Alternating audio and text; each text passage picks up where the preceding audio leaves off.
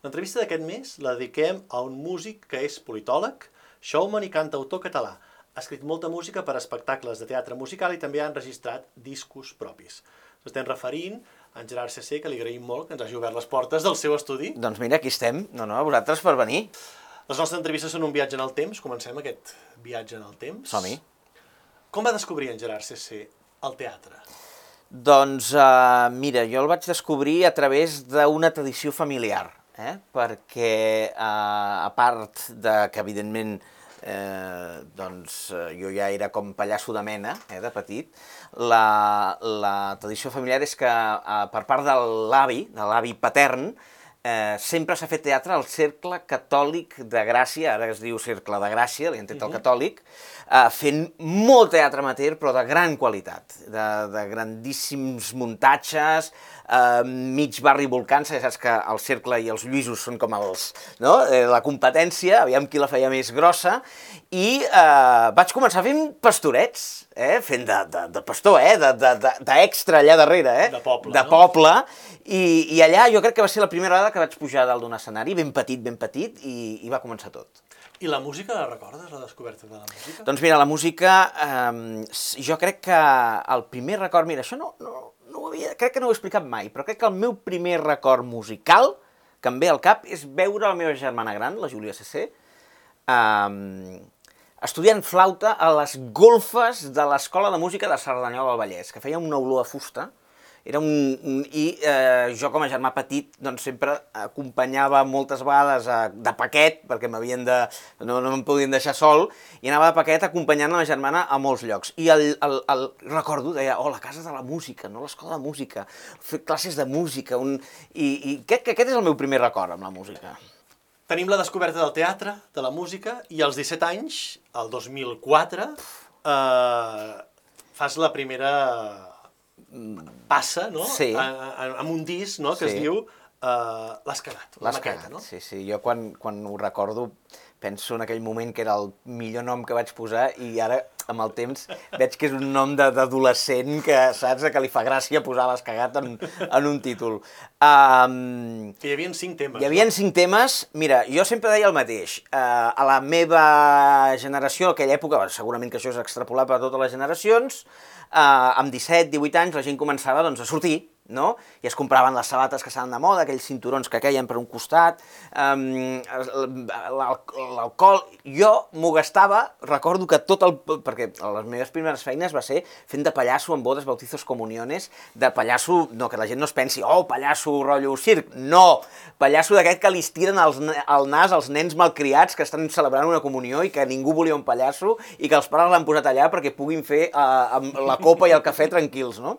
Um, I amb aquells diners que vaig anar recollint, jo m'ho gastava en estudis de gravació. Abans de descobrir que m'ho podia muntar a casa, evidentment tenia 17 anys, jo he fet el procés al revés, eh? sempre vaig començar en estudis i al final he acabat a casa, que molts artistes comencen a casa i diuen ara anem a fer, ara anem a gravar-ho. També avui és més fàcil tenir-ho a casa, no? totalment. Fa uns quants anys l'era digital Absolutament, estava més verda absolutament. i no- no hi ajudava tant. Totalment. I, doncs, eh, jo recordo que m'encantava el Robbie Williams, eh, era com un referent i jo volia ser el Robbie Williams català així de, de, de, de gosarat. I vaig començar a gravar les, les idees que tenia a casa. Clar, en aquell moment, a més a més, al no tenir mm, les eh, eines per poder-ho fer, tenia temes que els tenia al cap i no els podia sentir. I l'única manera de, de poder-los gaudir era gravant-los. I en aquest cas, doncs, en, uh, jo fent ràdio de ben jovenet també, a Cerdanyola Vallès, el tècnic de so de la ràdio, de Ràdio Cerdanyola, tenia un petit estudi, que ara és famosíssim, que és el Wilson Studio, Will, Will, Wilson, es diu, el podem buscar, i que grava a grups de primer nivell i té llista d'espera de 5-6 mesos per poder anar a gravar. I sempre ho recordo amb, amb, amb, amb, amb carinyo de que jo vaig ser dels primers que vaig anar. És que me'n- fixa't que encara me'n recordo que la, que aquest CD, aquesta maqueta, que té alguns desquadres de tempo, eh? perquè el bateria... O sigui, encara no, no sabíem ni editar les bateries. Sem sembla com els Beatles, sí, els sí. primers CDs dels Beatles, no? que el Ringo no acaba de... Doncs hi havia alguns desquadres de tempo, però és que no sabíem ni que la tecla X de l'ordinador serveix per fer un, un fade entre dos àudios. Sí. Vale? Llavors el que fèiem era tallar l'àudio per un cantó i l'altre i buscar el punt que no hi hagués un pic no sabíem ni fer servir la X. O sigui, eh, aquest era el nivell, i d'aquí surt aquesta primera maqueta, que li tinc molt carinyo.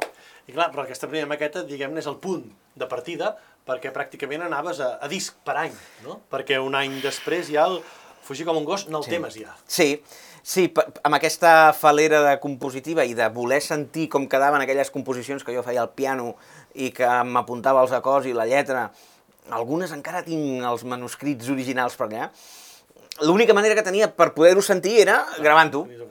I, i això, doncs em, em gastava la poca pasta que tenia amb estudis, i sempre tirant d'amics, que, que venia doncs, el, el guitarrista col·lega meu des de petit a, a l'institut i a l'escola, eh, amics, amics, eh, eh, amics que venien a, desinteressadament a passar-s'ho bé a l'estudi. I clar, i d'on sortien la, la idea dels, dels temes? Perquè llavors tocarem el teatre musical Sí. i segurament et venen donades ja per un argument, però aquí tenies el full totalment en blanc. Jo sempre he dit que el piano per mi era el meu psicòleg. És a dir, eh, per exemple, jo escolto cançons i la meva sortida de l'armari, que va ser traumàtica, eh, familiar, pels amics no, però familiar sobretot, explico tantes coses allà i, i que jo les, les escolto ara i penso, és que m'estava referint a això, i mm, m'estava referint a, a, a això altre. En el- en l'Has cagat, el primer CD, per exemple, hi ha un tema que es diu Ei, tu saps què?, que parla dels rumors de Ei, tu saps què?, que, que és el que va començar-me a passar quan jo vaig començar a sortir de l'armari, i allà estic explicant com em sentia quan la gent parlava de mi. Evidentment, és, jo ho sé que parlo d'això, no?, Perquè, però en perspectiva veig que el piano era el meu psicòleg, absolutament, i a, gràcies a les classes de piano i a les mínimes nocions de música que tinc, doncs no em va caldre anar a teràpia, diguéssim. En aquest sentit ho agraeixo als meus pares perquè m'he estalviat uns diners. I llavors el, el piano ha sigut el, el, el meu, el meu, el, el meu psicoterapeuta que m'ha permès crear aquestes cançons. Clar, I això que deien, que anaves a, a disc per any, Sí. no? per exemple, el 2006 ja, perdó per ser tan pesat, Sí, no? sí. Clar, potser la, la, la societat o el món, tal com es mou musical, és com, has de fer un disc per any com a artista, no sé si hi ha com aquesta pressió per dir, a veure si sí, vaig existint i si tinc la sort que alguna d'aquestes cançons es converteix en la cançó hit Ja. i a partir d'aquí ja em puc relaxar. Mm, la búsqueda de la cançó hit és, existeix, i jo em pensava que mi, mig la vaig trobar amb una cançó que es diu Sento, que va guanyar un premi, que crec que me'n parlaràs. Ara- ara anirem aquí. Eh, segur, perquè estàs molt ben documentat. Però més que la pressió de fer un disc per any és que era la incontinència verbal d'un postadolescent, mm, incontinència creativa, millor dit, Sí, d'un sí. postadolescent de crear. I de, I de fer, i ja et dic, és que era el meu hobby, jo, jo era una mica friqui, no sortia de festa, no, o, o sortia poc, eh, no m'agradaven als cotxes o tal, vull dir, era com, em dedicava a això, i era la meva passió, fer ràdio, que vaig fer molta ràdio gratis durant molts anys a moltes ràdios locals del món, Cerdanyola, Sabadell, eh, i música. I de música, això que dèiem, eh, això va portar eh, el Sento, no? va guanyar, Sí. quan tenies 20 anys, el Premi Carles Sabater a la segona millor cançó en català Sí, el 2006. això sempre no? m'ha fet mal perquè era la segona. Segona. La segona. Però bueno, escolta, va ser un petit La- premi... la de plata. Exacte, que em va... És uns premis que donava això, el Consorci eh, per la Llengua d'Andorra, uns premis de, doncs, que són un estat i poden donar premis d'aquest tipus. I, mm, I recordo que em va tocar el Jofre Verdagí. Hola, ets el Gerard CC? Jo sí, sóc el Jofre Verdagí. Hòstia, jo era molt fan de Glaucs. Uh, és que mira, aquí sóc membre del jurat i que vam de donar-te el segon premi. Hosti, que guai! I això implicava anar a Andorra a tocar i tal, va ser un dels meus primers concerts. Per tant, ja pots dir que has fet concerts internacionals. Totalment, absolutament, internacional, sí, sí, sí, sí. Bueno, també he tocat a, a Bèlgica, Sí, sí, he tocat a Bèlgica amb els, amb els 10.000 a Brussel·les. Ara, ara hi arribarem. També, també ho saps tot, ho saps tot. Um, I llavors no cal amagar-se que si abans t'he dit que un dels meus ídols era Robbie Williams, crec que acabava de treure una cançó molt famosa que es diu Feel. Mhm. I llavors jo vaig fer una cançó que es deia Sento. Val? Uh, clarament pensant, "No, la cançó no té res a veure, absolutament res a veure, però sí que uh, si el Robbie Williams tenia un fil, jo havia de tenir un Sento. Clar. Sí. I això que deies d'anem per any, el, 2000, el 2007, que hi ha un, un concert també en directe que vas gravar en DVD, no? Sí, a Cerdanyola del Vallès, a casa, a casa meva, eh, sempre m'han tractat molt bé i els meus dos concerts on la gent ha estat més entregada, perquè, diguéssim, la meva faceta de cantautor eh, eh, eh, és difícil triomfar en el món de la música i doncs a Cerdanyola sí que vaig aconseguir fer una mica de feu, ja saps que els, molts grups comencen així, i a Cerdanyola doncs, eh, sempre m'han tractat molt bé, m'han deixat l'Ateneu de Cerdanyola, que és, és un espai fantàstic, i he pogut fer dos concerts allà, el primer que cites, uh, on la gent pagava per anar-ho a veure, i hòstia, que guai, i, i, i no sé, 150-200 persones i caben no massa més en el, a l'Ateneu de, Barça- de Cerdanyola i allà doncs, gaudint, i, i vaig decidir gravar-lo per, per, per després eh, fer un DVD. Jo és que pensava que menjaria el món. I, i clar, i aquí també hi trobem el Jo Junqueras i som 10.000. Exacte. Com surt això? Doncs mira, en aquest moment eh, jo ja estava fent la carrera, per tant, eh, ja tenia 18 o 19 anys, per tant, 18 anys segurament, perquè estava a primer de carrera, eh, vaig començar amb 17 perquè sóc de finals d'any, sóc d'aquests que sempre eh, fa els anys...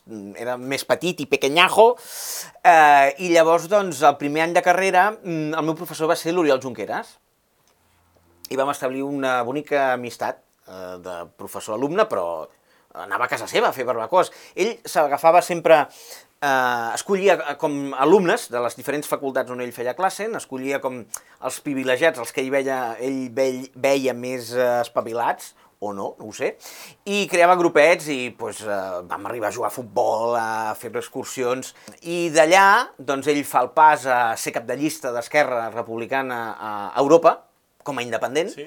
i el vaig ajudar. El vaig ajudar, mm, com molts altres alumnes, i li vaig fer un himne de, de campanya que va sonar doncs, en tots els mítings i era, per mi era molt excitant sentir una cançó meva en llocs eh, tan grans com els mítings que feia Esquerra a final de campanya, eh, tot ple de gent. I ara anàvem a disc per any, però aquí hi ha una petita pausa de dos anys, però ja surt el disc en pick-up. Sí, És a dir, que, que És era el, el 2009, sota la dutxa, Sí. i produït precisament per en Jofre Verdagí. allà on jo recordo que em vaig guardar el telèfon, perquè mm, eh, vaig pensar, serà el seu, m'haurà trucat des del seu eh, telèfon i me'l vaig guardar. I un temps després vaig trucar-lo. Ets el Jofre? Sí. Ah, mira, doncs sí que era el seu telèfon. Uh, li vaig dir, mira, és que vull gravar un disc, tot fins ara eren uh, coses fetes per mi, Uh, si tu escoltes la cançó de Sento, per exemple, la banda de vent eren eh, les amigues de ma germana, el petit en aquest cas, la Magalí, que, que, que feia mm, flauta travessera a Sabadell, i les seves companyes de conservatori, una tocava el saxo, no sé què, i clar, té un punt de so de banda, no? de, de banda de... Però que també està bé, eh? Vull dir que no, no, estic molt content. Però clar, tot tenia aquest punt, vaig dir, anem a fer el pas de professionalitzar-ho tot i necessito un productor, perquè produir-m'ho jo mateix no saps mai què està bé o què no, perquè és la teva opinió. I, i, i de fet em va sorprendre molt que amb el Verdagí ens vam entendre moltíssim de música, de fet ell deia que la meva música, que ja n'havia escoltat, eh, que sí, sí, que era, que era el seu estil, em va sorprendre perquè mm, tot el que jo li deia, deia, ah, sí, bona idea, sí, aquí uns violins, bona idea, tal. Només em va dir no dos o tres vegades. Bueno, el Jesús, baixista dels Lacs, que té uh, la Casa Morada, aquell estudi de gravació uh, al mig de, de, allà pel Vendrell, eh, em va dir, no, no, és que un productor, la gràcia és que et digui no dos o tres vegades. És el que ha de fer. És a dir, si us enteneu superbé, i ell ha de dir, no, aquí, aquí ja t'has passat. Això. Pensa que jo eh, tinc una obsessió que és posar moltes pistes. Això en aquest sentit, Obeses, és bastant similar. sí, sí. Una pista més! Uh, doblem la guitarra, uh, ara posem un shaker, doncs una pandereta, fent el mateix, una pista més. Jo recordo que un dia el Jofre va dir, no posem més pistes ja, no, cab no hi caben més pistes, no cal. I jo, sí, una pista més. I, i, i sí, sí, vaig fer el disc en pick-up, que és la primera vegada que, que, que hi havia una discogràfica, també t'haig de dir que l'última, perquè l'experiència, mm, sí, no va ser bona.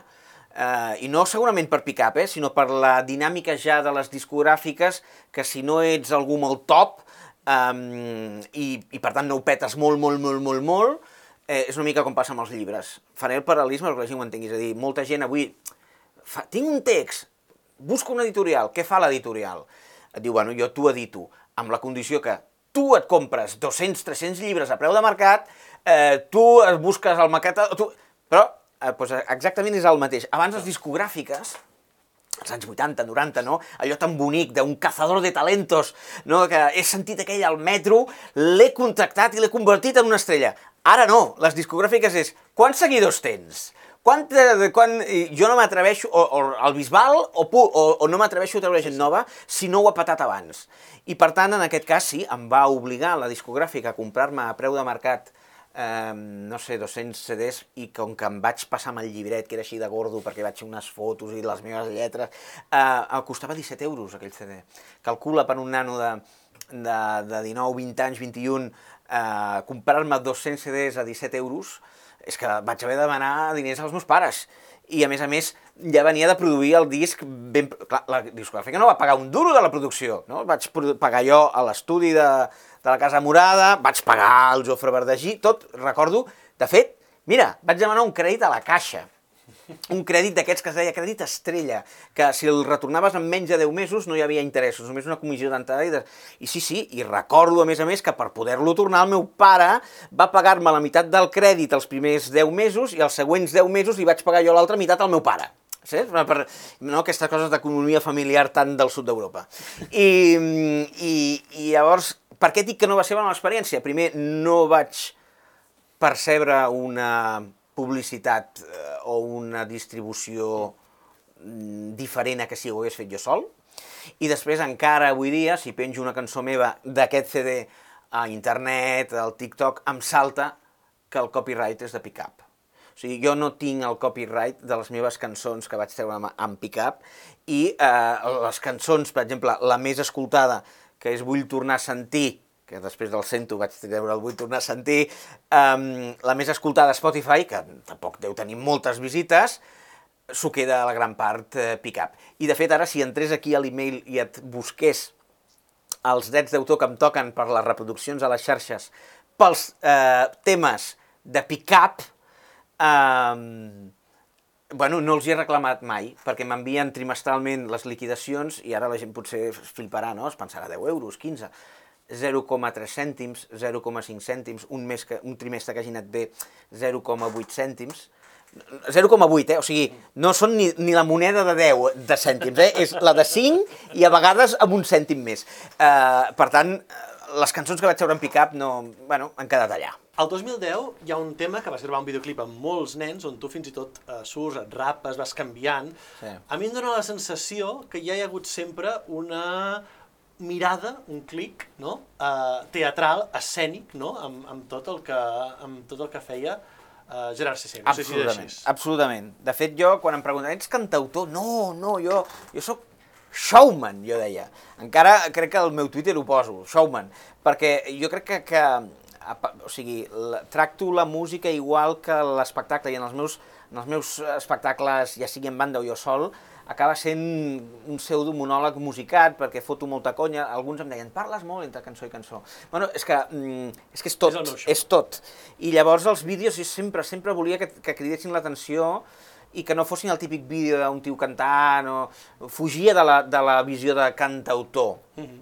I llavors, per exemple, aquests dos que cites eh, van ser una època molt bonica de la meva vida perquè vaig fer un viatge a Argentina i vaig fer un, un que es diu un WordCamp, no? vaig estar sis mesos treballant al nord d'Argentina, una part molt humil, i allà vaig tenir l'oportunitat de gravar un vídeo que és, que és, que és allò cinema verité absolut, amb una càmera que em van deixar eh, que, que va costar molt aconseguir-la, gravar un vídeo amb uns nens als quals jo els hi feia classe i que era com, bueno, va ser una experiència molt d'aquestes intenses i aquell vídeo és molt bonic, ara, ara fa molt temps que no el veig, que es diu l'espectacle mai no para, un altre, jo, veig, veig, jo només copio eh, grans temes, show must go on, eh, eh, claríssimament. Ens sona. I, tot i que la cançó no té res a veure, però sí que mm, hi vaig, vaig fer això. I després hi ha l'Ajuda'm a canviar el món, que va ser just al tornar a Argentina, que vaig tenir un, un buit existencial, no? perquè va ser d'aquests viatges quasi iniciàtics, no? de, uh -huh. de, de postadolescent que canvien la vida, i, i vaig rapar-me, vaig fer un canvi de look absolut, vaig arribar molt malanut i barbut, i vaig dir, aprofitaré que, que el look d'abans d'ara i ho gravaré. I a més a més, eh, és divertit aquest, aquest vídeo perquè mm, va enrere, vale? començo rapidíssim, que és com acabo la vida real, i em va creixent la melena i va i fixa't com és la meva ment, que jo vaig ser incapaç d'escriure, o sigui, no, ho vaig haver de fer. I hi havia molt risc de que m'equivoqués en alguna cosa i no podia tirar enrere. Sí, no hi havia una storyboard. No hi havia una storyboard perquè m'explotava el cap. Com, eh, ho vaig fer, ho vaig, vaig posar la càmera, vaig enre... ho vaig fer a casa una amiga, vaig enretirar el sofà, hi havia una paret blanca i, i, i ho vaig fer allà, que de fet ella va arribar a mig, a mig d'això, què estàs fent? I dic, no, no, estic gravant aquí, no et preocupis. I, I la meva parella de llavors em va tallar el cabell i em va ajudar, sí, sí. De totes aquestes cançons, la trobem la que hem dit de, de l'Oriol Junqueras, Sí. eh, la marxa dels 10.000 a Brussel·les, sí. la cançó de la Via Catalana... Sí. Clar, diguem, aquí es veu una ideologia. Tu no t'ha passat mai pel cap allò de... Bueno, ara ho provarem en castellà perquè, perquè arribarem a més? No sé si, si et Aquesta sona és la, aquesta frase. aquesta frase me l'han dit mil vegades. Jo faig... Eh, tinc molt clar que faig activisme lingüístic eh, allà on puc. És a dir, eh, a TikTok, per exemple. Quantes vegades m'han dit que els teus vídeos que són tan divertits, eh, la gent de Colòmbia riuria. Si ho fessis en castellà se't dispararia l'algoritme. Um, I segur que és veritat perquè, per exemple, uh, un altre actor de musical, que és l'Iker Montero, no sé si et sona, sí. i que és, ara ja és un influencer a, a TikTok i a Instagram, vam començar amb la pandèmia a fer TikToks, i un dia, uh, sopant, uh, ai, quants em portes? Jo 7.000. Ell, ai, jo 7.500. Estàvem, i jo li vaig dir, jo sí, però jo ho faig només en català. No, no, jo en castellà. I ell, en la pandèmia, es va disparar. Ara té com dos milions de seguidors, ja s'ha anat a Madrid, ja té un mànager i ja viu d'això. Jo no. No estic dient que jo, per no haver-ho fet en castellà, eh, no he patat com ell. Ell és molt bo i s'ho mereix. Mm, hi ha molta gent que fa contingut en castellà que es menja un rosco, eh? Però sí que és veritat que tinc aquesta, aquesta mm, comparació, que sortíem del mateix punt, i jo, amb, mm, de manera conscient, decidint eh, per aquest activisme lingüístic no canviar la llengua, Um, doncs, uh, bueno, no està malament tenir quasi 25.000 seguidors, només en català, perquè és un ninxo molt, molt, molt tancat, però evidentment no puc viure d'això. Deixa'm dir-te, per cert, que això no ho deus haver documentat, i això no sé si ho sap massa gent, però jo tinc un disc en castellà. I això és bom bomba. El que passa és que uh, hi ha una excusa. El vaig fer a Argentina.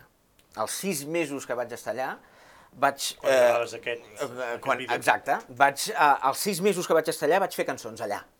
Perquè em van, jo estava en, un, en una, no una cabanya, eh, però s'han d'imaginar, la gent que hagi estat a Argentina, a les zones humils, la gent que té una mica de poder adquisitiu en els patis, fa petites cases d'un sol espai que lloga.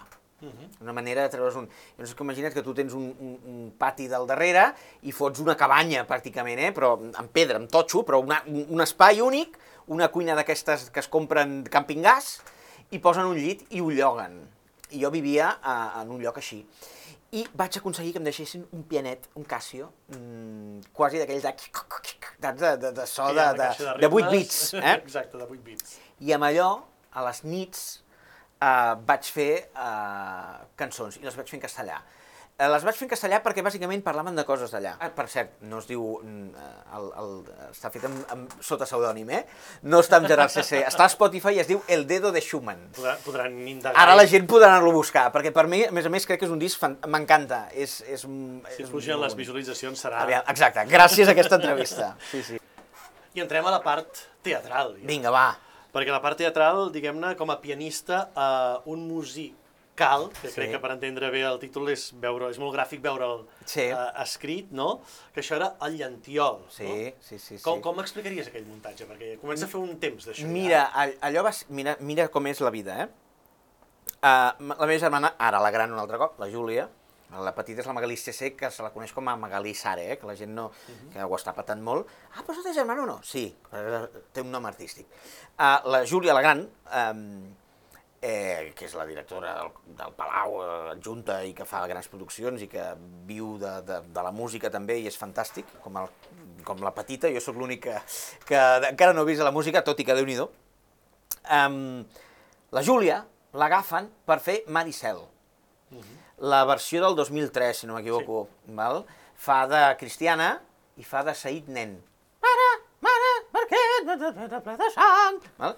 I, I llavors, quan acaba, ma germana té un buit, no? un any quasi eh, entre els assajos i tal, la seva primera gran producció, ella encara no sabia ben bé si es volia dedicar al món de la, del musical o, o a la música clàssica, finalment s'ha dedicat a la música clàssica, i recordo que ella va tenir un buit de dir, ostres, vull fer més.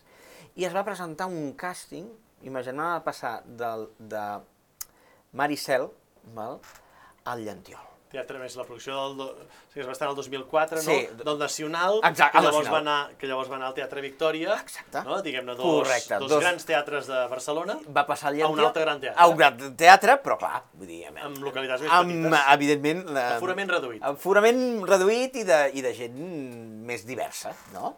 Eh, I recordo que va, va aguantar dos o tres funcions en el, un musical. I allà el, el càsting li va fer en Xavi Monató, que de fet el Xavi sempre em diu és que vam flipar que vingués la Júlia CC venint de Maricel, es presentava al nostre càsting, és que li vam dir que sí directament, quasi que no li vam fer ni, ni prova. I ella, estant en el, un musical que va dic, eh, estar tres o quatre setmanes, eh, de cop i volta el pianista que estaven allà mm, va tenir com una indisposició, una cosa, i va dir, Gerard, vols anar tu? És que no tenen pianista, i és una cosa molt humil i tal, i vaig dir, bueno, va, Provem-ho. provem-ho. I m'hi vaig, no només m'hi vaig quedar, vam estar un any fent el musical a Llantiol. Allà vaig conèixer el Xavi Morató i allà neix Generació de Merda. I eh, tant és així que fins i tot un dia el protagonista va fallar, lo típic, van posar la música gravada i vaig fer jo, de, perquè me la sabia, és que l'havia vist tantes vegades, tantes vegades, tantes vegades, que vaig acabar fent jo de, de, de, de protagonista i després ens va sortir un bolo. A Balaguer, que tampoc hi podia anar el protagonista, ho vaig fer jo, i era com una mena de certamen de teatre, mm, no vull dir misteriós perquè no vull menys tenir, però que, vull dir que no molt conegut, i vam guanyar. I, i, i vaig pensar, hòstia, una vegada que... Que I aquí tu- vaig descobrir que, a més a més, doncs, no només podia tocar el piano, sinó que també podia fer una mica del burro del de l'escenari, que ja ho sabia més o menys, però que no sabia que pogués colar tan bé, diguéssim. Clar, i això, diguem-ne, és el germen per néixer Generació de Merda. Correcte. Aquí neix, aquí neix, aquí conec una- el Xavi, Una companyia. Ara ja som, eh, ja som companyia, ja som SL, ens gastem la pasta, paguem impostos, i allà surt, coneixo el Xavi Morató i, i de fet d'allà comença... Um, ell passa a fer un, una segona versió del musical al Teataneu, i de seguir, perquè jo va ser just quan vaig marxar a Argentina i tal, i a la que torno ens posem a treballar amb, amb, amb Generació de Merda, que dona nom a un espectacle, que- un espectacle i, a, i a la companyia. I a la companyia, exactament. Que a més és un espectacle que apareix el 14 i no m'atreviria a dir que mor, però si més no, l'última aparició és el 17. La vam allargar molt, perquè ens va, ens va funcionar molt, però és que a més a més va ser un espectacle que va mutar, va anar mutant i va anar creixent. I han passat molts actors i actrius I diferents, tant. que suposo que cadascú ha anat, ha anat deixant a la companyia moltes Correcte. coses. Comença Generació de Merda amb un, a, al Teatre Regina, amb, amb el David Moreno, a Helena Terrats, Júlia Bonjoc, um, Marc Pociello eh, i Berta Penyalbé, val? i jo al piano. Ah, sí, Roger Torns, per favor, no me'l vull deixar, Roger Torns. I um, com, acabava amb, amb, surrealista, vull dir, uns, acabava, no sé si tu vas veure la versió 1, que hi havia uns capgrossos, sortíem amb uns capgrossos amb gent que de cop i volta eren um, persones robots amb veu de doblador, tots parlàvem així, una cosa que no tenia cap mena de sentit, la gent no en tenia res. Vam anar mutant l'obra, va anar canviant, um, va acabar molt diferent a com, vam començar, a com va començar, va tenir diferents finals durant, durant uh, tota la representació al Regina, fins que vam trobar una, i d'allà vam passar al poliorama.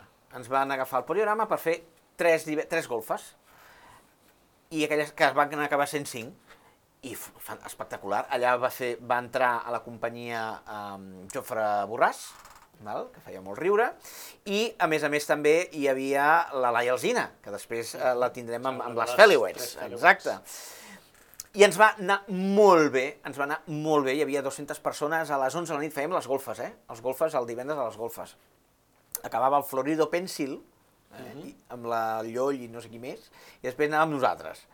Eh, sí, ho he dit bé, crec que hi havia la Lloll. Sí, sí, sí, eh, que era, sí. era la versió que es havia fet amb, amb noies. Exacte, exacte.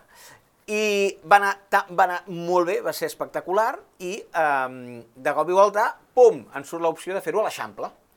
Um, vinga, doncs anem cap a l'Eixample. I ens va anar molt bé, allà ho vam fer amb el Mickey Boom, qui més ho fa? La- L'Anna Erèbia, que també entra a, a, a la companyia, i qui més? Uh, i, I jo crec que ja està, el Xavi, jo, la, la, la Berta i el, i el Roger Torns. I això a l'Eixample. I coses de la vida ens creuem el Xavi un dia a l'Ever, del Gaudí, i teníem un flyer i li vam donar. home, què feu? Ah, sí, veniu. Ens va citar al teatre i va dir, vinga, va, ens va donar un, tinc un buit. Ens va donar un buit i allà, clar, pensa que l'obra ja va anar canviant, no? Cada cop va, anar, va començar en piano sol, el poliorama era música gravada, vaig fer uns playbacks orquestrats, no sé què, i el Gaudí ja en banda. Quatre músics i uh, versió uh, espectacular. I a més, a quatre bandes. A quatre bandes i quatre músics. I al Gaudí es va incorporar Joan Oliver, Eloi Gómez, eh? un joveníssim Eloi Gómez. Nosaltres som descobridors de talents, eh? Helena Tarrats, Julià Bonjoc, Eloi Gómez, uh, un joveníssim Eloi Gómez i el Víctor Gómez, que jo sempre volia, havia volgut treballar amb ell, que és per mi dels millors tenors, tenorets, amb aquesta veueta tan espectacular que té. I, i mira, doncs, uh, o sigui, imagina't quants cats, qu quants casts, quanta gent i quina evolució i, i supercontents. I potser una característica que aquí ja es comença a veure és l'humor, Sí. fins, a, fins i tot potser aquelles coses eh, políticament incorrectes o Sí. no, això dels límits de l'humor seria molt llarg de Seria fer una un- altra entrevista sencera, Sí, no? sí. Recordo el, la cançó del Paqui, no? Vull dir que, Sí. però tot, jo crec que amb una pàtina molt, molt divertida, no? Sí, sí que és veritat que, mira, ara en perspectiva, va estrenar-se el 2014, farà 10 anys, el 24, sí. de fet, els mateixos actors de diferents casts ens diuen que hem de fer una celebració dels 10 anys de Generació de Merda, i tenen raó, Doncs- Aviam, ho hauríem de començar a plantejar. Tocarà aviat ja. Eh, exacte. Um, sí que és veritat que amb el Xavi hem parlat, que potser avui dia, ja 10 anys després, alguna cançó no passaria al tall del políticament correcte. Uh, i, i, I no per, per, perquè fóssim, o avui dia, molt greu, sinó perquè la societat evoluciona. Sí. I segurament alguna broma dins del context de l'obra, etc etc, avui dia s'hauria de canviar. Potser sí, i no passa res, i no passa res, perquè... Eh, Evolucionar és un- una cosa Exacte, i no vol principi, dir no? que siguéssim, que fóssim racistes i ara no, o que ens blanquegem, sinó que eh, els, eh, la societat avança i hi ha coses que mm, potser ara s'han d'anar més, amb més de compte. També és veritat que, evidentment, el Xavi Morató és eh, guionista del Jueves, tothom sap quin tipus d'humor té, quina és la seva, la seva manera d'escriure, a mi m'encanta.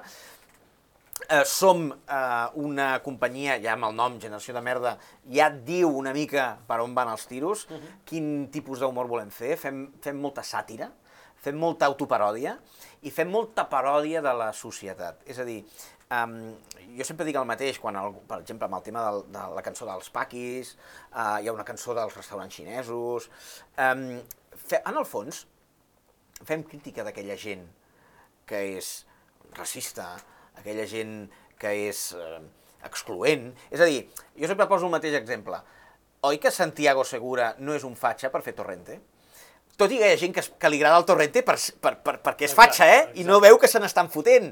Però Santiago Segura justament és un tio d'esquerres i que usa un personatge fastigós per burlar-se d'aquell D'aquell tipus de tipus gent, de- tot tipus i que si no ho entens, sembla que estigui elevant aquest tipus de, de, de personatges, no?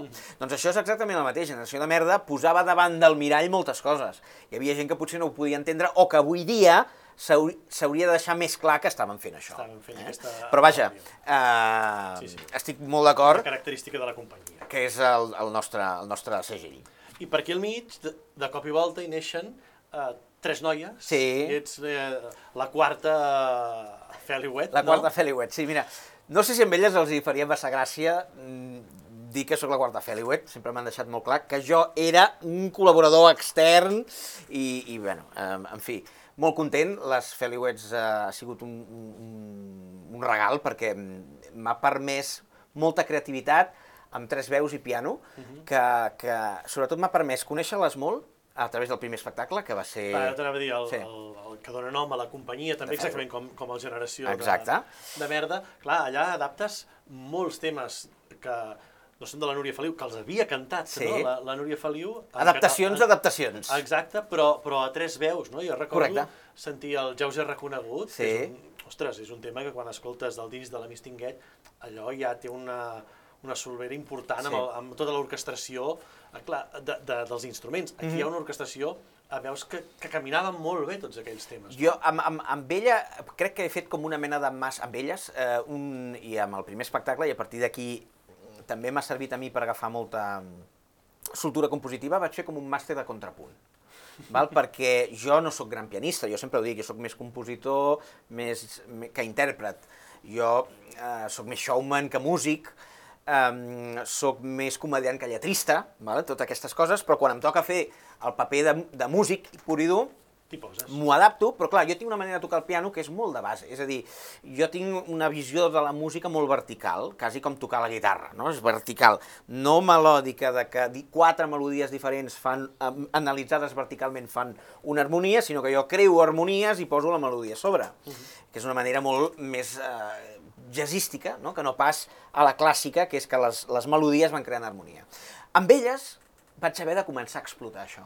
Vaig haver de començar a explotar les tres melodies eh, i que juguessin entre elles. I vaig fer un màster de contrapunt, de, de, de contres, de veus, de...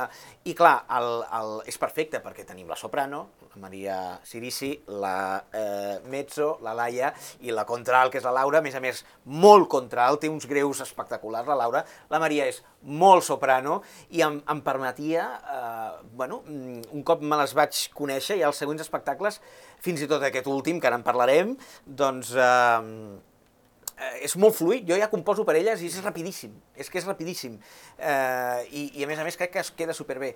De fet, pel mig, això em va servir molt per, per fer-los un tema al Quartet Mel, això, eh, que en l'espectacle que es deia... Com es deia aquell espectacle eh, que vam fer allà al El, Poliorama? el Molina i el Poliorama, Sí. els, els imparables. Els imparables. De fet, hi ha dos temes que són meus, els imparables, que és el, la Guerra Civil, que, Sí. que feien com eh, sons eh, Sí, és veritat. val, aquell, i després el, em van demanar un hit, que és Som imparables, i vaig pensar, hòstia, mm, gràcies a haver fet eh, totes les Feliwets, vaig com aplicar tot aquell coneixement, i recordo que la Magalí, que és la meva germana, que formava part del Quartet Mil fins fa any i mig, va dir, hosti, és, és la, més, la més complexa, però la que ens és més fàcil de cantar. I que, a més a més, has fet que la melodia comença fent la, la, la Diana, que és la contral, en comptes de fer-la jo, has fet que l'Oriol, que és el baix, faci també la melodia, quan tothom ens ha fet lo típic, no? Comença la soprano, la, el tenor de contesta, i... però que mm, amb les Feliwets, el, el resum, és que ha sigut un màster de, de composició, de contrapunt. I amb les Feliuets, eh, clar, eren molts temes que havia cantat, com hem dit, la Núria Feliu, Sí. i això, eh, jo sé, m'han dit de bona font, que es va anar a casa de la Núria Feliu, no? Vam anar a casa de la Núria a Feliu. explicar-li la, la idea de l'espectacle. Hi ha que una a més- foto, i- hi ha una foto i tot. I que, a més a més, eh, ella gravava unes veus en, en off de l'espectacle, no? Sí. Recordes això, com, Sí, com sí. va ser anar a Mm. casa de d'una institució sí. com, com era o com és encara Com és, com és, com la, la Núria Feliu? Doncs mira, vam anar acollonits, pensant, ens, ens dirà que no, eh, li hem d'explicar la història, li vam passar el text... És que es va prestar a tot. Vull dir, no tenia cap por a, a, que, a que fins i tot si en feien, bur eh, si en feien burla, que no en fèiem, eh, era un homenatge. El que passa és que amb un llenguatge com el del Xavi, eh, el guió sí, també sí, era sí. del Xavi Monató, per tant, amb un, amb un llenguatge eh, surrealista, eh, acabava sortint la geganta, eh, la geganta, Sí, sí, sí. I, i que era la dolenta de l'obra de la geganta, no? perquè acabava tenint vida la geganta, perquè la gent entengui més o menys el, el, el, el llenguatge d'aquella obra. Espectacle, sí, sí, que sí, li va sí. encantar, va venir més d'una vegada, i va fer la veu en off, i va redescobrir les seves pròpies cançons, eh, bueno, les seves versions, a, algun dia la vam sentir tararejar-les a primera fila, va ser, eh, va posar totes les facilitats del món i va ser un encant poder treballar amb ella. Per mi, eh, jo, en aquestes coses de paquet, eh, d'acompanyar el meu pare, que el meu pare havia presentat aquell famós programa a TV3 que es deia Cadències, de, de, de música clàssica, i el meu pare que havia estat cada dissabte al matí al Liceu present, fent actes quan es va cremar, fins que no es va re... Eh, jo sempre anava... I moltes vegades havíem coincidit amb la Núria Feliu i jo la veia com, ostres, no?, amb aquella llum, aquella, aquella senyora que tothom la reverenciava, i senyora Feliu, i, i quan vaig poder estar amb ella i, i ensenyar-li temes que ell havia versionat tan famosos readaptats a tres veus, a més a més, al servei de la dramatúrgia. Uh, I, i a més a més estaven canviadíssims. Activista eh, catalana eh, Exacte. amb, amb la música. Totalment, absolutament. Això és una altra... Vull dir, havia cantat en català en ple franquisme, sent dona... Vull dir, ho tenia tot, ho tenia tot. Mai casada, és a dir, no havia complert els estàndards d'un sistema Sí, sí. patriarcal, per tant, ho tenia tot. Eh, I a més a més, això que et dic, es- les, les versions de les seves versions estaven al servei de la dramatúrgia i, per exemple, temes que eren balades com el Boja, Sí. en, el, en la versió de l'espectacle era una locura, era una bogeria de tema, absolutament accelerada, o al revés, eh, cançons que eren balades, o, o més eh, temps partit, però sí una mica aquest jazz de la seva època, que quasi és com una sardana, no? Ta, ta, ta, ta, aquest jazz catalanitzat, eh? eh convertits en balades, com el, el Si te'n vas, no parlis eh, de mi, no? Eh, bueno, va ser una experiència molt xula. Sí, sí, i clar, de, uh, després d'arribar al segon espectacle de, de Feliwets, que és el Kobe Curro Naranjito, sí. que clar, aquí, uh, com, com es treballava? Perquè uh, l'espectacle de la... De, el primer de les Feliwets hi havia molts temes, però n'hi havia infinitat amb aquests blocs que feien com uns mix. Com, com, com era això de dir, doncs mira, aquest no, aquest sí, quin hi ha massa, quin hi ha massa poc? Aquí dones una, una oportunitat de reivindicar una cosa que eh, no vaig poder, perquè estava al servei, evidentment, del projecte, i en aquest cas el Matí Torres dirigint, dos o tres temes que vaig fer els va treure. Hi havia un, que l'haig de recuperar algun dia, que era un medley de rock català, perquè tot es centrava en els 80s, sí. principis dels 90s, amb les lletres canviades. Ja te l'ensenyaré perquè t'explotarà el cap. Es canta Boig per tu, amb la lletra de Vespre dels Pets, vale? la melodia de Boig per tu, uh -huh. la melodia de Vespre, ai, la lletra de Vespre, eh, no sé com es, es canta sobre l'Empordà del, del, de sopa de cabra, de sopa de cabra val? o sigui, tu ho escoltes i t'explota el cap, perquè reconeixes la lletra i la melodia, però no quadra. I vaig fer un... Bueno, recordo que m'ho vaig currar moltíssim i va acabar caient. I després hi havia un altre medley, hi ha un medley famós que hem fet servir a tot arreu i que que és el medley dels 80, que és un tema de 8 minuts. N'hi havia un altre tema de 8 minuts de medley dels 90, que si algun dia recuperem és, era espectacular. I també va caure. Hit rere hit, no? Hit rere hit, i va caure. I, i llavors era un, era un musical que hi havia molt de text, i per mi una mica menys de música de la que hi hauria d'haver hagut. Eh, l'espectacle feia molt riure, estava molt bé, elles tres estaven fantàstiques, i a més a més, a més a més, hi ha un tema que n'estic enamorat, que és el dels videojocs, que hi ha un medley, aquest el, el vaig penjar al meu canal de YouTube perquè crec que és super xulo, que és un medley de eh, cançons, de les bases, no, els, els temes de, dels videojocs més famosos d'aquella època, en els 80, o final o principis dels, dels 90, hi ha el Mario Bros, el Sonic, el, el Pac-Man, el Tetris... I també trobem un altre espectacle que és eh, un familiar, no? Pinta'm. Sí, van fer una cosa molt xula. El Xavi el tenia escrit de fa temps amb, amb la Sílvia Navarro, sí. amb qui havia escrit un musical, eh, al principi de tot, i és un musical que em sap molt de greu dir-ho perquè, clar, que queda fatal que ho digui jo, però és que estava molt bé. Estava molt bé, per nens, però era... que a vegades, no? La gent, ah, per nens. No, no, és que estava molt bé, les lletres, les músiques, estava fantàstic, hi havia l'Adrià Ardila, hi havia el Joan Saez, hi havia um, la Mònica Macfer, Eh, I, ai, la Mònica Macfin me l'he deixat abans, abans de eh, en la generació de merda, eh? I la Mireia Coma, també. O sigui que mm, va, era un espectacle molt xulo, molt, molt, molt divertit, les cançons super boniques, la gent que va venir li va encantar, els nens que venien i les nenes, els infants, gaudien molt, però no, però no eren molts els que van venir. Però tots els que venien els hi va encantar. I d'això que deies d'abans, del, com parlàvem del generació de merda, del, de la cançó del Paqui, no? potser elevat a l'enèsima potència, fer visible alguna cosa que, que no és tan visible o, o evidenciar coses, no?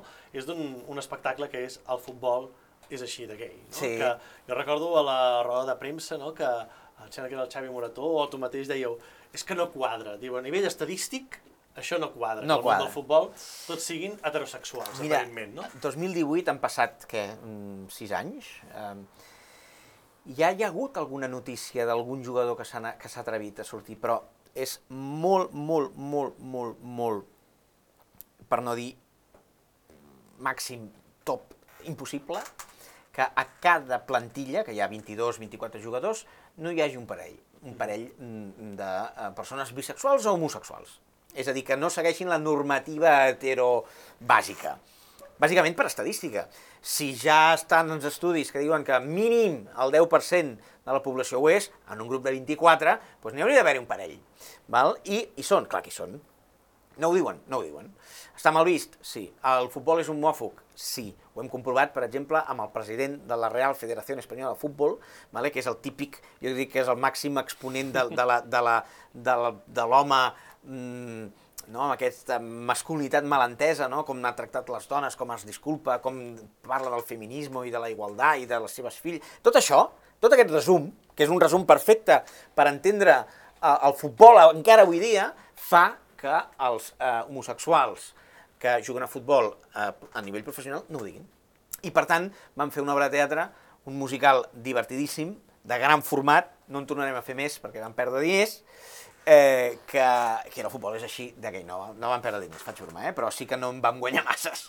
I, i va ser un, un musical fantàstic que esperem algun dia, si tornem a tenir diners, poder-lo tornar a fer. I clar, ara t'anava a preguntar, parlàvem d'això del món del futbol, que potser seria una mica oposat en el món teatral, Sí. no? i estem en una època que estem tots, o podem estar tots molt connectats, però també estem molt segmentats, no? És a dir, em moc amb la gent que s'assembla més a mi, o segueixo la gent que s'assembla més a mi, no sé si en aquest espectacle va venir gent que no acostuma a anar tant al teatre, que potser va més al món de la, del futbol, dels esports, si, si vau notar aquest creuament de mons, que això seria molt interessant. No? Doncs seria interessant, però no massa. És a dir, la gent que va veure musicals, és, o sigui, no van venir heterobàsics que veuen el futbol cada dissabte, no van anar a veure aquest musical.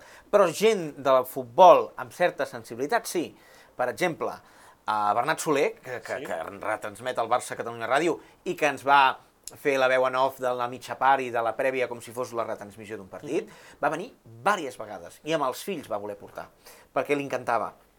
És molt fan d'Obeses i molt fan de Queen i deia que la música li agradava molt, perquè en el fons tots aquests fem, acabem de, els, els referents que tenim, no? Uh, va venir un, uh, un uh, narrador de futbol que té molts seguidors, es diu Axel, i és del, ara està a Dazón o així, estava a la Gol Televisió, és un tio així alt, amb barba, um, i, i, i va venir i va fer un tuit molt bonic, i té com, no sé, 200.000 seguidors. Vam intentar que vingués gent del Barça, de l'Espanyol, no va haver-hi manera, no va haver-hi manera. Però, però va anar molt bé, va anar molt bé, estem molt contents. Tornem a les feliuets o feliuetes, no? El Aquelarre, Sí. que diguem-ne un espectacle com un cabaret, unes varietats, no? Uh, on van encarregar a diferents uh, compositors que escrivissin uh, cançons, entre els quals tu eres un d'ells, però a més a més tu havies de, de tocar-les totes. Sí, sí, Clar, sí. i, i, i de retruc la, la direcció musical amb, amb elles tres. Com, com es viu això de, de que t'arribi una cançó d'un pare i d'una mare diferent, no? Doncs mira, uh, Aquelarre per mi és com, com jo crec que la, la, la, el punt de maduresa de les Feliwets, ara han seguit aquest model amb el nou espectacle i els hi està anant molt bé, que és uh, una cosa cabaretera, uh, quasi esquetxos, no?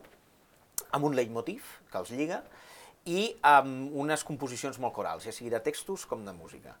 I, i molt ben lligat, això s'ha de fer mm, bé. En aquest cas era la Míriam Escorriol, la directora, que ho va lligar tot molt bé. També, evidentment, eh, va ser una obra que va tenir el seu procés. No és la mateixa obra ara, que hem fet mil de bolos, a la que es va estrenar, perquè hi ha hagut canvis d'escenes, de guions i de música. I, I jo recordo que, clar, fins ara jo sempre to havia tocat la meva música. Uh, no havia tocat composicions d'altres persones i jo ja t'he dit abans que sóc un intèrpret limitat.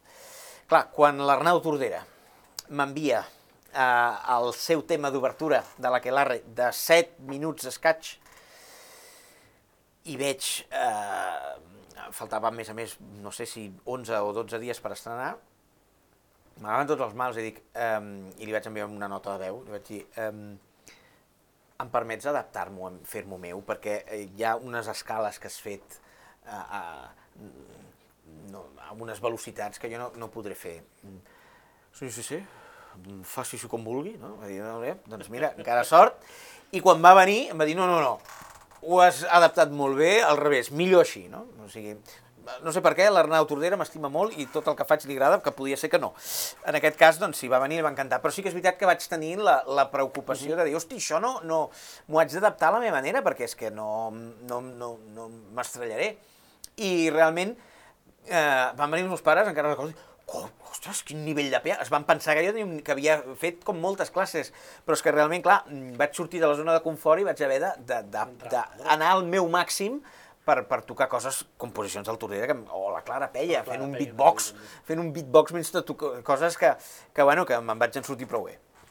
I després del- de- d'aquesta aventura amb, amb les Feliwets, anima a, al poliamor, Sí. eh, que això eh, fa quatre dies, ja estem, estem Ai, al present pràcticament. Ah, no? ja està bé, després d'una hora d'entrevista la gent diu, bueno, què, què passa aquí? Um, clar, com surt la idea de, de, de fer el, el poliamor, no? Doncs mira, eh, amb el Xavi, després del, del...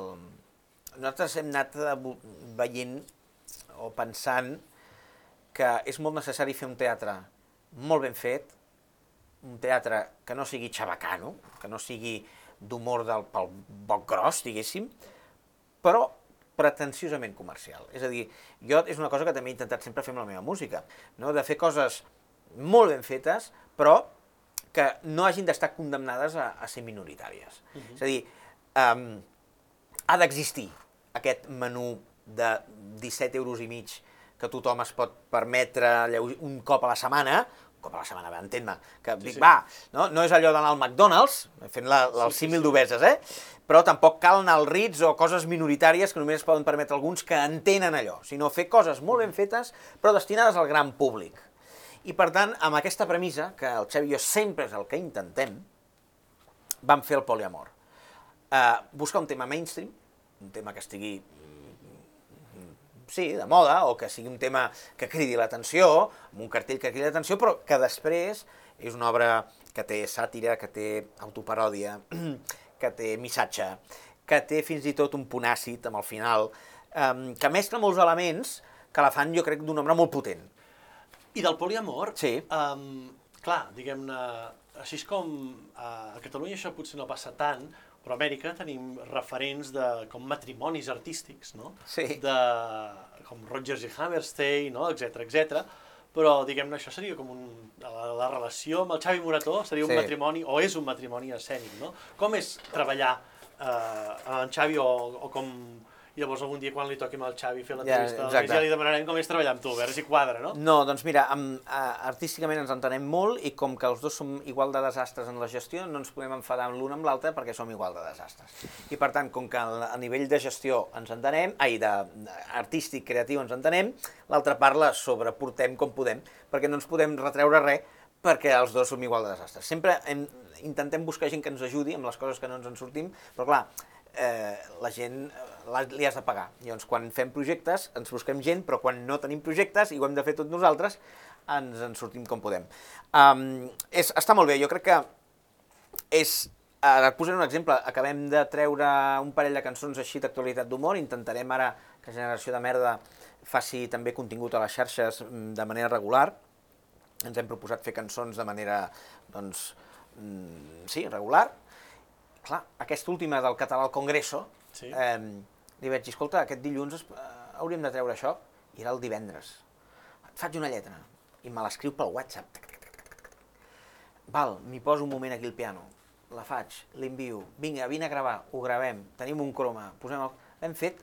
Vull dir, jo crec que hem arribat a un nivell que, que com ens agrada el que fa l'altre, no ens posem pros. I això és fantàstic. Mhm. I, I mira, hem fet, hem fet una cançó que jo crec que és molt divertida, bueno, que ha de sortir i ja, aviam si es fa viralilla. I això és un exemple de, de, lo, com de, de fluid treballem. I, i clar, diguem-ne, la companyia que pràcticament ja està arribant als 10 anys, no? Sí. diguem-ne, ha canviat, però què li, què, li, què li faltaria a una companyia, o què li falta a una companyia de teatre musical a Catalunya? Què heu trobat de faltar? Doncs uh, mira, aquest era el, el discurs que volia dir si guanyava el premi eh, del teatre musical, eh, i que el diré igualment, eh? Què li fa falta? Mm, una producció que, un, que s'interessi. Sempre posaré el mateix exemple. Al Teatre Regina, el nostre primer espectacle Generació de Merda, encara amb aquella versió que no, que, que no va acabar sent i que era molt... O sigui, per tant, era millorable, eh? Àngel Llàcer va venir. Va seure allà a primera fila i, hosti, bueno, a veure què. I ja l'acaba de dir, oh, m'agrada molt. De fet, va fer un tuit i tot, que sempre el tenim allà com que quasi marcat, no? Però recordo que va dir, ostres, la cançó dels paquis. És que, clar, m'he imaginat com 20 paquis baixant en font, fent la cançó, i un, un, un Bollywood, i m'he imaginat no sé què. Heu de buscar algú que us ho produeixi. Heu de buscar algú amb diners, que us ho produeixi. Aquest algú no ha aparegut, no? I jo li, jo li vaig estar a punt de fer... Tu? Eh, escolta, eh, per què no ho fas tu? Eh, hosti, però, tio... pues, eh, és això el que els hi falta a les companyies petites. Un mini... És que el poliamor, per exemple. El poliamor, el Xavi i jo l'hem produït i gràcies a que vam arribar a un conveni amb, amb, amb l'Orfeo Badalonenc que ens va donar un espai gratis per assajar a canvi de fer una preestrena allà. Gràcies a aquestes coses, si no, ja no haguéssim pogut fer-la. I ara és allò famós, no?, que va dir que era Arquímedes, no? Dóna'm un, un punt de recolzament i mouré el món. Dóna'm uns diners, tu masses. Eh, 10.000, 15.000, Sí, dóna'm no, 15.000. per, per poder fer una producció encara i i, que les feines i estiguin et, mouré, et, fotré, cal. et fotré una cosa que al·lucinaràs. És a dir, si hem aconseguit l'excel·lència i que no és, és que segurament el Xavi i jo voldríem que el poliamor fos millor, eh? vull dir, l'escenografia per descomptat, o, o fins i tot el nivell d'exigència de, la, de, de, de la feina del dia a dia, que no pots fer, perquè els actors, que són fantàstics i ho fan genial, ho fan a taquilla, vale? però que podies dir, hosti, aquí necessitaríem un assaig més. No els hi pots dir. Fins i tot tu hi acabes saturat. No pots, eh, aquí hauríem de tornar a fer venir el de les llums perquè hi ha un altre espectacle i clar, se'ns han mogut, però no pots venir perquè et tornarà... Vull dir, eh, doneu-me una mica de diners i fotríem una cosa tan excel·lent i tan fantàstica. Doneu-me una mica de diners per fer una mínima eh, publicitat. Hi ha hagut tanta gent que no ha sabut que això s'ha fet. Tanta gent que no ha sabut que el poliamor ha existit i que ho descobreix amb els vídeos que hem fet a internet i on es pot... Oh! Què és? On es pot veure? Ja s'ha acabat. Clar, vull dir... Eh, ah, però això s'ha fet? Sí, clar, és que jo recordo l'Àngel Llàcer, que no m'agafi mania tampoc, però en una entrevista, clar, és que tenim un pressupost de 2 milions d'euros. 2 milions d'euros, això ho deia, crec que per la jaula. Eh? Que clar, jo recordo que em vaig comprar uns bitllets d'AVE per anar no sé on, i em sortia a la jaula els bitllets d'AVE. Me'n recordo anar a, a l'arena i que a les pantalles a l'arena sortia la jaula. Estaven a tot arreu. Tothom es vantarà que allò s'estava fent. I sobretot a, a, a les publicitats allà on eh, més gent pots captar que creus que vindrà a veure. Clar, és que no hem pogut fer res d'això. Quina ha estat la publicitat que hem fet del poliamor? Quina ha estat? Quatre xarxes, els cartells que t'imprimeix el teatre a quatre llocs que duren dos dies i perdre la vida perquè vingués TV3 que no va venir. Evidentment, mm, tu sí que vas venir, eh? I, i, i però, no, però, clar, TV3? Com és que no va venir TV3? A més va venir, no, van fer el poliamor just, estàvem fent el poliamor amb aquell famós tuit de la Mercè Martínez. eh, Martínez, teatre en català, i van, la van trucar de Catalunya Ràdio, tal. no es va parar de dir que era l'únic musical en català que s'estava fent a Barcelona. Era l'únic, en tot cas, de gran format. és que després ho van corregir, perquè algú els va dir, escolta, que un... eh, s'està fent el poliamor, és un mo-". I, de cop i volta, no, no, ens referíem a gran format. Va, va, va vinga. Eh, és a dir, eh, ens ha fal... eh, la, la, el gran drama de les... De, no només és no tenir diners per oferir un, un, un, un, producte molt més excels, sinó que la gent sàpiga que existeixes, sàpiga que ho estàs fent i això són diners. Bueno, doneu-me una mica de diners i, i faré un gran èxit. La paraula d'Arquimedes, no? Exacte. I si tornem un moment per últim a les Feliwet, no? Sí. Aquest darrer espectacle, tens unes cançons que ja no són tocades per tu, Sí. no? Com, com, com ho has anat a veure ja? Com, com ho Ho he anat a veure, això? sí, sí, vaig, vaig anar a la preestrena. bé, bé, m'agrada molt. El, um, com tot, a vegades necessites descansar una mica. En teoria es va proposar en un inici que jo fos el pianista, però per Perquè dates... també les acompanyes amb el mix del Ja us he reconegut, Exacte, no? exacte. Que és una però... un mix de tots els espectacles. Ah, exacte. Eh, el que passa és que per dates d'assajos eh, van assajar quasi tot el- tot l'estiu. Jo venia d'haver assajat l'estiu passat al Poliamor, que vam estrenar també a l'octubre. Vaig, ja la meva parella em, em deixa. Vull dir, si li torno a a hipotecar un estiu, um, després incompatibilitats de dies, no? perquè per la meva feina, 11 de setembre, etc etc. Uh, era complicat, era complicat. I llavors van, van buscar un altre pianista, que és el Modesto Lai, que ho fa superbé. Eh, I l'espectacle està molt bé, torna a ser una mica copiant aquest, aquest estil aquelarre, no? Um, coral, sketchos, en aquest cas el leitmotiv és l'amor, així com l'altre era el feminisme, i els hi funciona molt bé i estic veient molt bones crítiques i estic molt content perquè llarga vida a les Feliwets. I arribant al present, què li passa pel cap a en Gerard CC? Arribant al present, doncs que... mm, Què li passa pel cap? Bueno, et torna... sembla que estigui obsessionat, no? que es pugui dir. que es pugui dir. Bueno, que jo crec que hi ha grans espectacles eh, musicals que es podien fer en català perfectament i això no significaria renunciar a molt públic a Barcelona, després el pots traduir i anar pel món. Si tot el teatre a Ca- a Catalunya fos en català, o la gran majoria, la gent deixaria d'anar-hi. Aquells castellanoparlants que van... van dir, No anirien al teatre. No, hi anirien. El que passa és que, clar, és que avui dia molta més de l'oferta és en castellà. Per tant, jo crec que això és el que em passa pel cap, que tenim autocomplexa. És, és, I és molt greu. Això no passa a cap país que no tingui un sistema eh, tan complicat com el que tenim aquí de la llengua. Doncs a veure si guanyem aquesta batalla, no? que, que, que en altres temps ja s'ha guanyat, per tant, és recuperar Sí. un, combat, no? que passa que és un, com una muntanya russa. Sí, sí, sí. sí. I sempre acabem les entrevistes amb una bateria de Va, preguntes ràpides. això m'agrada, això m'agrada, això m'agrada. A vegades no són ràpides de, de pensar o Ho de intentaré, ho respondre. intentaré. Quin va ser el primer musical que vas veure o que recordes? Mira, el primer musical que vaig veure, o que recordo... El que recordo, vale, el que recordo és Antaviana, de Degoll de Gom, però no el vaig veure, perquè que, que era molt petit, sinó que hi havia una cinta VHS perduda per casa que tenia gravat Antaviana, Gloops, Sí? i no sé quina més. Potser el Mikado, Maricel... Ah, No, no, no, No no, de no eh? No, no, bueno, vaig veure-les Antaviana, eh, amb un bots ultra jove i amb un eh, Pepe Rubianes, Sí, exacte. que se'm tenia una planta i que... Me'n recordo, tinc flaixos. I, i després Gloops, eh? Eh, amb, amb, amb gags que no he entès fins molt més tard, perquè Gloops, déu nhi Sí, eh? sí. eh? Hi havia coses... Els, els, Hi havia... les vinyetes de l'Ausier, Exacte, no? exacte, Era- exacte. Hi havia coses que jo no entenia en aquell moment, no? De, el gag del trans, el gag de, de, del, del Sí, traductor sí, coses rus. molt socials, Cosa... I aquests els vaig veure en bucle, en bucle, me'n recordo. I després el primer musical que vaig anar a veure i que em va impactar eh, va ser Germans de Sang. Si t'haguessis de quedar amb una cançó, pot ser teva, de teatre musical, del que no sigui de teatre musical, una d'aquelles que t'acompanya a la vida.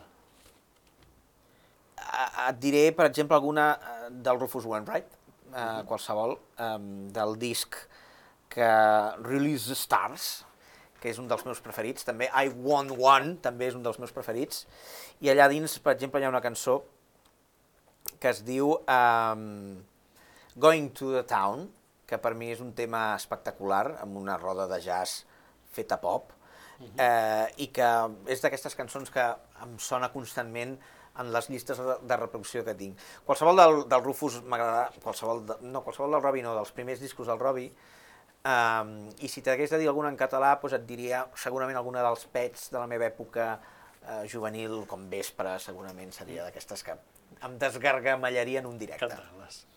Un autor, Autor... mm, teatral, musical... Bueno, el Rufus Wainwright ha fet òperes i ha fet algun musical. M'ha costat entrar-hi, eh? Però no estan gens malament. Per tant, el Rufus, segur. Eh, si hagués de venir cap aquí, bueno, Guinovar, evidentment, és un referent, i, i Arnau Tordera, clar que sí. Si t'haguessis de quedar amb un record que t'hagi donat al teatre, que no, no es pugui borrar, per bé o per mal. Bueno, eh? va... em matarà la Berta Penyalbé, però va haver-hi un, una funció que la Berta va, va caure i està gravat. I ella, pobra, es va fer mal, eh? Però és que a més a més va coincidir que aquella funció, que, que estaven fent el poliorama, eh? El fossar del poliorama, eh? Són 3 metres, va caure. Um, a la següent rèplica ella ja no apareix. Recordo el Marc Pociello i el, i el Jofre Borràs ja no surt més, i jo vaig començar a substituir-la, o sigui, vaig, ella feia molts minipapers i vaig començar a fer-los jo. Eh, sortia de cambrera de, de, del bar xinès, que vaig acabar fent-lo jo, sortia de, de... Vaig començar a fer-ho. Va ser una cosa, però mira, escolta, va sortir espectacular. I a partir d'aquí, per cert, ja que t'explico aquesta interioritat tan heavy, um, vaig començar a fer més d'actor a Generació de Melba. I a la versió de, del Gaudí jo ja feia Sí. tots els papers de l'Auca, que tinc encara guardada la foto, amb els 14 vestuaris que jo feia, mini papers, que va sorgir arran, arrel de substituir De- la Berta, que pobra, es va trencar un dit del peu, eh? Es va trencar un dit del peu. Va ser molt fort, sí, sí. I la última, què és allò que per tu només té el teatre musical? jo sempre explico que tu pots fer una, una obra de text, te pots emocionar, et pot impactar, eh, Però el poder de la música abstracta, que no cal usar paraules per emocionar-te, quan mescles el teatre de text que et pot emocionar amb la música, fas un salt. Fas un salt, viatges molt més. Jo crec que hi ha un poder espectacular. La gent, hi ha aquesta mena de mantra de... És que la gent a la vida real no canta. Tu t'has de deixar de portar, perquè la música en el fons és, és un art igual que el que està fent teatre. Si tu haguessis de dir, no, si està fent teatre no entraré mai amb el que m'explica. És exactament el mateix, el que entres en el llenguatge viatges molt més. I el poder de la música et fa anar, et fa anar a un 200% del, del, del que seria una obra només de text. I per tant, per això jo sóc tan fan dels musicals i penso que tenen un poder i aquella gent que els gaudeix i n'és molt fan i, i no? aquella gent que entra i, i ho va veure tot, ho entenc perfectament perquè és que és uh, unir dos grans arts i fer un mix, no? I, i, i el poder de la música no el té el text. Doncs que molta gent descobreixi aquest poder, Per favor. no? i que se'n beneficiï perquè cura, dona alegries, etc. Per tant, que vagi al teatre, sigui del que sigui, no? però Perfecte. que vagi al teatre. I si és musical, a nosaltres ens agrada més encara. I tant.